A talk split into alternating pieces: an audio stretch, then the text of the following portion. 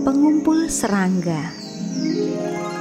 Cerita anak Indah Darmastuti Versi cetak Antologi Sayap Cahaya Balai Bahasa Jawa Tengah 2018 Narator Indah Darmastuti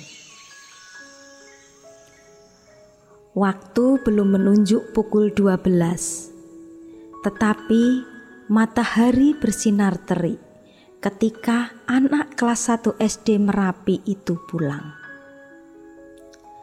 Begitu mereka keluar gerbang sekolah, mereka sudah menghambur berlarian sambil bercanda. Tetapi Ino berjalan cepat pulang ke rumah melalui jalan utama desa.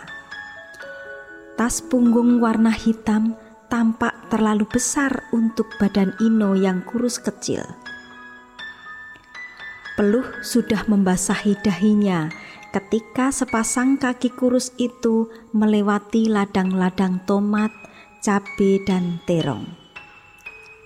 Seekor tupai nangkring di pokok pohon kelapa. Jauh di sana, sawah membentang hijau di bawah langit biru bersih. Burung-burung terbang mencari makan Sesekali terbang rendah berpapas dengan kupu-kupu yang mencari madu. Sesampai di rumah, tanpa melepas sepatu, Ino segera menemui teman-teman bersayapnya yang tinggal di kotak-kotak kayu buatan bapak. Ia memandang empat ekor jengkriknya sebesar ibu jari berwarna hitam mengkilat. Jika malam mulai turun dan bintang-bintang menyala satu persatu, jengkerik-jengkerik itu mengerik nyaring bersaing dengan serangga malam lainnya. Puas memandangi jengkriknya, Ino beralih ke kandang gangsir. Orong-orong dan kepik berpunggung merah totol-totol hitam yang hinggap di daun-daun mantang. Dia juga mempunyai satu ekor kumbang badak dan tiga ekor bapak pocong. Semua dikandangkan dalam kotak kayu berkawat kasa yang terpisah. Agak lebih tinggi, ia meletakkan kotak berisi tiga ekor wangwong. Si kumbang bercula itu pemberian Pak Disupar. Ia membuka tutup kandang wangwong lalu mengelus punggung hitam legamnya. Ino suka bentuk cula itu.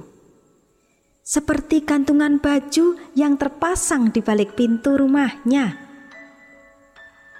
Ya, memang kumbang itu yang menjadi penyebab matinya pohon kelapa di dekat balai desa. Tetapi menurut Ino, serangga itu sangat lucu dan Kelihatannya tidak pemarah, meski cula itu membuatnya terkesan jahat. Lalu, ia beralih ke kandang kecil bercat coklat tua.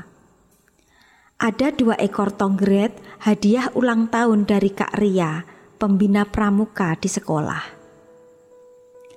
Kak Ria menyebutnya garengpong. Bila sore tiba, khususnya di pergantian musim hujan ke musim kemarau, si garengpong itu akan bernyanyi seperti paduan suara, mengabarkan bahwa sore begitu cerah. Di dekat rimbun tanaman jali-jali di atas tanah cukup lembab, ada satu kotak cukup besar berisi serangga kecil dan pemalu. Sayapnya tampak biasa, dan ia tidak nakal. Bila malam tiba, dari jendela kamarnya, Ino bisa melihat teman-teman kecilnya itu bercahaya. Apakah kunang-kunang itu ibunya bintang-bintang di langit? Apakah kunang-kunang mengasuhnya, menggendongnya diajak terbang ke mana-mana? Lalu Kelak jika bintang itu sudah besar, kunang-kunang akan membawanya terbang ke langit dan memasang bintang di dekat bulan. Begitu Ino membuat catatan dan menyimpan pertanyaan tentang kunang-kunang.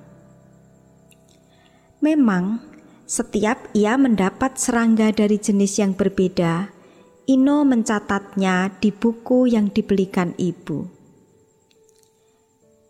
Ia masih serius mengamati serangga kecil itu ketika mendengar ibu memanggil. Ino, lepas dulu sepatumu. Ganti baju dan lekaslah makan. Ino tak menjawab, tetapi segera meninggalkan kotak-kotak serangga itu dan mendapati ibunya. Ibu tahu tidak berapa jumlah kunang-kunang yang kupunya?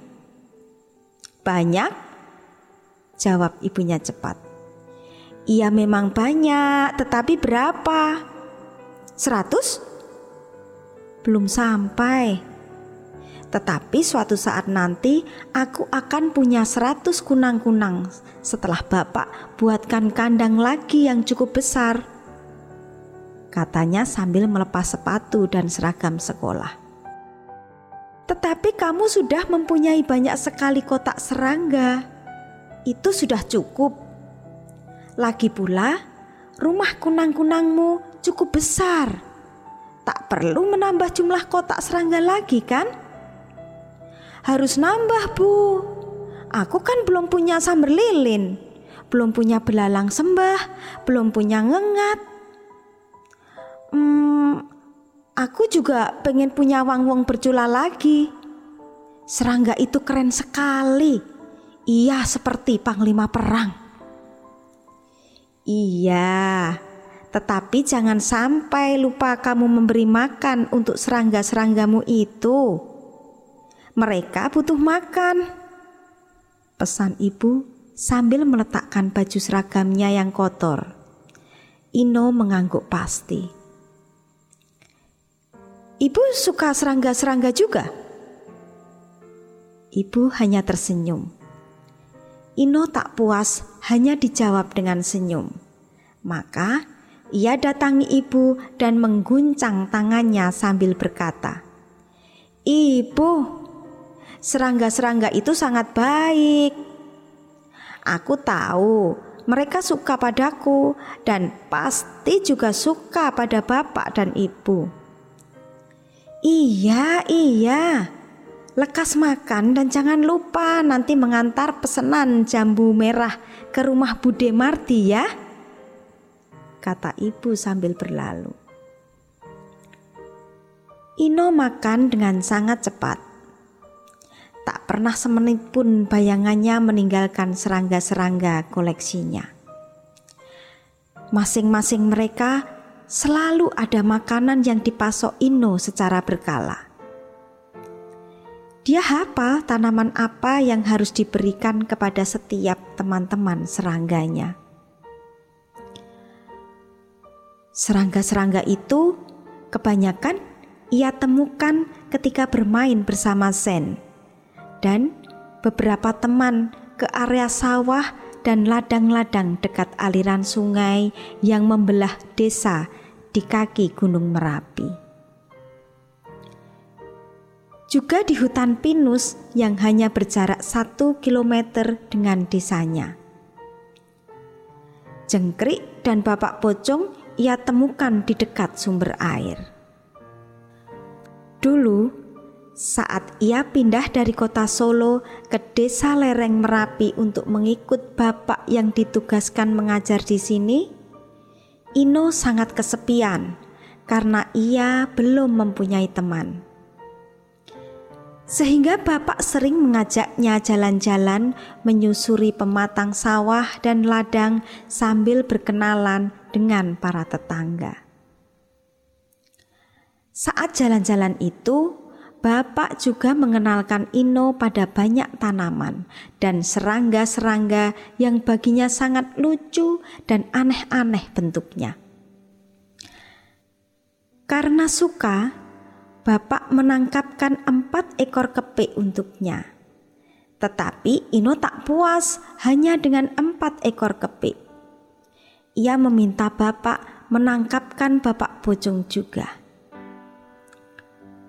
Ino mulai menyukai tempat tinggalnya yang baru dan ia tidak kesepian lagi karena setiap sore bersama bapak ia akan menjelajah desa. Kadang ia pulang membawa dua ekor atau tiga ekor serangga. Lalu, bapak membuatkan kotak-kotak kayu untuk menampung serangga-serangga itu. Siang itu, ketika pulang dari rumah Bude Marti untuk mengantar jambu, Ino berjumpa Sen, Banyu, Siva, dan Iqbal yang berjalan menuju ladang jagung. Mereka akan membantu Suranto mengangkut jagung yang dipetik bapak dan ibunya. Lalu, mereka akan main ke sungai yang membatasi desa mereka dengan desa tetangga. Ladang jagung milik keluarga Suranto tak seberapa luas, tetapi panen jagungnya menyenangkan. Ketika melihat teman-teman Suranto datang membantu, Pak Saman, ayah Suranto, memberi mereka masing-masing lima buah jagung. Baiknya, jagung-jagung ini kita kumpulkan jadi satu, lalu kita bawa saat kemah besok kita akan bakar bersama-sama. Bagaimana? Setuju? Ide Sen langsung disambut gembira oleh teman-temannya. Mendengar rencana itu, Pak Saman kemudian menyisihkan setengah karung, lalu ia berkata, "Suranto, simpan yang setengah karung ini untuk teman-temanmu kapan kalian akan berkemah? Besok malam, Pak. Kami uh, kami menamakan malam pertemanan. Uh, jadi anak-anak kelas 1 dan 2 akan mendirikan tenda di tepi hutan pinus bersama kakak pembina pramuka. Wah, besok bulan purnama pasti dinginnya berlipat-lipat. Tetapi tentu langit sangat indah. Kata ayah Suranto sambil menyaksikan anak-anak itu melanjutkan pekerjaan mengangkut jagung dengan gembira. Besoknya, tampak lima tenda didirikan saling berhadapan di tepi hutan pinus yang tak jauh dari rumah mereka. Hutan itu tidak lebat. Penduduk desa kerap masuk hutan untuk mencari kayu bakar, rumput untuk pakan ternak, atau bunga-bunga pinus kering pengganti kayu bakar.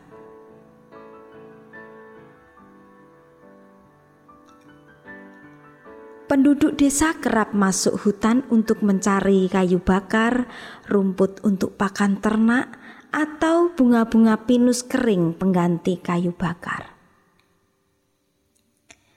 Di area itu, mereka sering melihat ayam hutan hinggap di pohon-pohon. Sesekali, unggas-unggas itu berteriak memekakkan telinga. Mereka hanya melihat saja dengan kagum. Mereka tahu kalau siapa pun tidak boleh menangkap ayam-ayam itu Kata Kak Ria, kalau mereka memburu ayam hutan itu, si ratu ayam akan marah dan ia akan mengajak semua ayam-ayam itu pergi. Tidak mau tinggal di hutan tempat mereka bermain. Itu pasti akan sangat menyedihkan. Malam itu, bulan bulat berwarna oranye bintang-bintang menyala cemerlang. Hari baru saja beranjak petang tetapi di sekitar hutan sudah menjadi gelap dan dingin bukan kepalang. Suara cengkerik, tonggret, dan serangga malam yang lain saling bersahutan mengisi keheningan. Dalam acara kemah itu, Kak Ria mengajak keponakannya yang tinggal di pesisir sebelah selatan kota Yogyakarta untuk merasakan sejuk hawa pegunungan. Kamu tidak boleh sembarangan membuat api di dekat hutan sini, Radik. Kata Kak Ria menasehati ketika keponakan dan kawan-kawan barunya membuat api unggun yang juga akan mereka gunakan untuk membakar jagung. Kami hanya ingin menghangatkan sambil bakar jagung, Kak, kata Radik. Iya, tetapi jangan di situ, ambillah tempat agak jauh dari pohon-pohon pinus itu dan jaga apinya jangan sampai terlalu besar. Karena api meskipun kecil kalau terbawa angin lalu menyambar pohon pinus, seluruh hutan ini akan habis terbakar. Kalian harus tahu kalau batang pohon pinus itu mengandung getah yang mudah terbakar. Malam itu, meskipun tenda yang didirikan tak terlalu jauh dari rumah mereka, tetapi pengalaman berbagi tempat tidur dan berbagi makanan serta bermain bersama teman-teman tentu menyenangkan. Mereka berkumpul mengelilingi api unggun dan membakar jagung hasil panen ayah Suranto. Sen duduk dekat dengan Radik yang tampak kedinginan. Kamu tidak biasa di tempat dingin ya? Tanya Sen kepada Radik. Di pantai kadang dingin, tetapi dinginnya tidak sampai seperti ini. Jawabnya. Seperti apakah pantai itu? Apakah banyak sekali pohon pinus? Di tempatku tak ada pohon pinus, yang ada pohon kelapa. Rumahku menghadap ke laut. Kalau menjelang sore, air surut. Aku dan teman-teman bermain bola di pantai, di tepi laut. Kadang, kalau laut sedang baik hati, Bapak akan mengajak kami menjala ikan naik perahu. Wah, itu menyenangkan sekali. Kamu tidak takut ombak? Setiap nelayan tidak takut ombak. Ikan apa yang kamu tangkap? Banyak. Nanti kapan-kapan mainlah ke pantai kami. Aku akan mengajakmu menangkap ikan bersama Bapak. Mereka asik berbincang-bincang hingga tak menyadari kalau Ino tidak ada di antara mereka. Ino, ada di mana Ino? Kak Ria dan kakak pembina yang lain langsung sibuk mencari Ino. Mereka mengambil senter dan memanggil-manggil Ino. Panggilan bersahutan terpantul, menggema, bergaung ke empat penjuru mata angin. Mereka cemas saling bertanya satu sama lain, kapan terakhir Ino terlihat? Ayo kita cari agak ke atas, sebagian menunggu di tenda. Seru Kak Ria langsung disusul dengan pembagian siapa yang ikut naik, siapa yang menjaga tenda. Aku ikut naik. Aku ikut naik. Aku ikut naik, kata Radik melangkah ke sebelah Sen yang membawa senter. Ino, Ino, Ino, kamu di mana? teriak teman-temannya. Mereka terus melangkah naik sedikit masuk ke dalam hutan. Halo, Ino. Iya, aku di sini. Aku di sini. Terdengar suara Ino menjawab panggilan. Itu dia, Ino ada di sana. Di arah jam 2, kata Kak Ria berkata. Bukan, aku dengar di sana. Siva berpendapat. Itu gaungnya, itu hanya gema. Aku yakin Ino ada di sana. Mereka berdebat tentang asal suara. Halo, aku di sini. Sekali lagi Ino menjawab, Kemarilah, tempat ini sangat indah. Teriakan Ino semakin jelas dan ternyata ia ada di sebelah tenggara. Dari jauh, tampak sepetak tanah yang dirubungi kunang-kunang terbang rendah Tempat itu berkelip-kelip keperakan. Ino duduk di sebelah batu cukup besar di tanah yang agak lapang. Tubuh Ino seperti mandi cahaya. Apa yang kamu lakukan di situ, Ino? Tanya Radik. Aku hanya melihat kunang-kunang. Wow, Indah sekali. Teriak Kak Ria dari kejauhan. Tetapi mestinya kamu pamitan pada teman-teman dan kakak pembina sehingga tidak membuat kami bingung. Maaf kak, tadi sebenarnya aku hanya ingin mengambil tambahan kayu bakar dan bunga pinus kering. Tetapi aku melihat dari jauh banyak kelip kunang-kunang. Jadi, aku datang ke sini. Sayang sekali aku tidak membawa kotak kawat kasa. Mungkin lain waktu aku akan mengajak Bapak ke sini untuk menangkapnya. Oh, kamu mau memelihara kunang-kunang? Sen bertanya. Betul, di rumahku sudah ada banyak, tetapi aku ingin punya lebih banyak lagi. Kak, apakah kunang-kunang tidak capek membawa lampu sepanjang malam?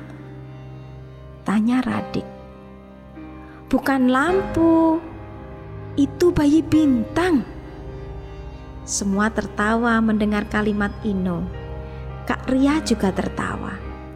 Nah, kakak beritahu ya, apa yang kalian sebut sebagai lampu atau bayi bintang itu sebenarnya zat-zat seperti oksigen, kalsium, magnesium, dan zat kimia alami yang bernama luciferin.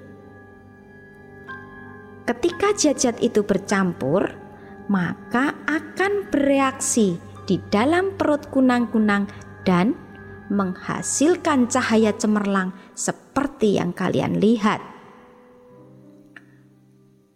Aku ingin punya seratus kunang-kunang, kata Ino sambil menadah tangannya dan seekor kunang-kunang hinggap di ujung jarinya.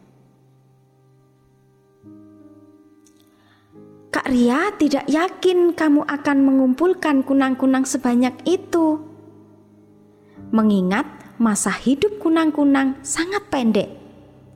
Hanya 2 sampai 3 minggu saja. Ino menggigit-gigit bibir. Kasihan kunang-kunang. Mereka hanya bisa melihat indah dunia ini sependek itu, kata Ino kemudian. Nah, kalau begitu, mengapa kamu mengurungnya? Apakah tidak sebaiknya kamu membiarkan kawan-kawan bercahayamu itu terbang menikmati kebebasan dan menikmati masa hidup mereka yang pendek? Kak Ria berkata sambil mengusap-usap bahu Ino. Iya, betul. Aku tak boleh mengurungnya. Pasti kunang-kunang itu sedih sekali tidak bisa bebas bermain dan bertemu dengan teman-temannya. Di rumahku, mereka terkurung. Padahal di sini banyak teman-teman mereka. Jadi, bagaimana?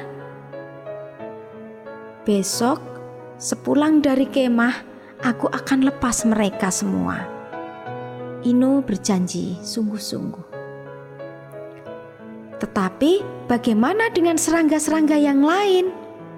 Di rumahku ada banyak serangga yang aku taruh di kotak kayu. Mereka semua teman-temanku. Asal kamu merawatnya, sepertinya tidak apa-apa. Iya, aku janji, Kak. Asyik. Bagaimana kalau besok kita melihat serangga-serangga milik Ino? Mereka menyambut gembira usul Kak Ria. Tetapi kakak rasa sudah cukup kita bersama kunang-kunang di sini. Baiknya kita segera balik ke tenda supaya teman-teman kita tidak cemas menunggu. Mereka setuju dan saling bergandeng tangan meninggalkan sepetak tanah itu. Ketika kaki-kaki anak-anak itu menjauh, sekali lagi Ino menoleh ke belakang. Ia memandangi kunang-kunang terbang riang, membuat area itu seperti serpihan bintang-bintang. Ia berjanji dalam hati, besok akan mengajak Bapak membawa kotak kunang-kunang dan ia akan melapas mereka di tempat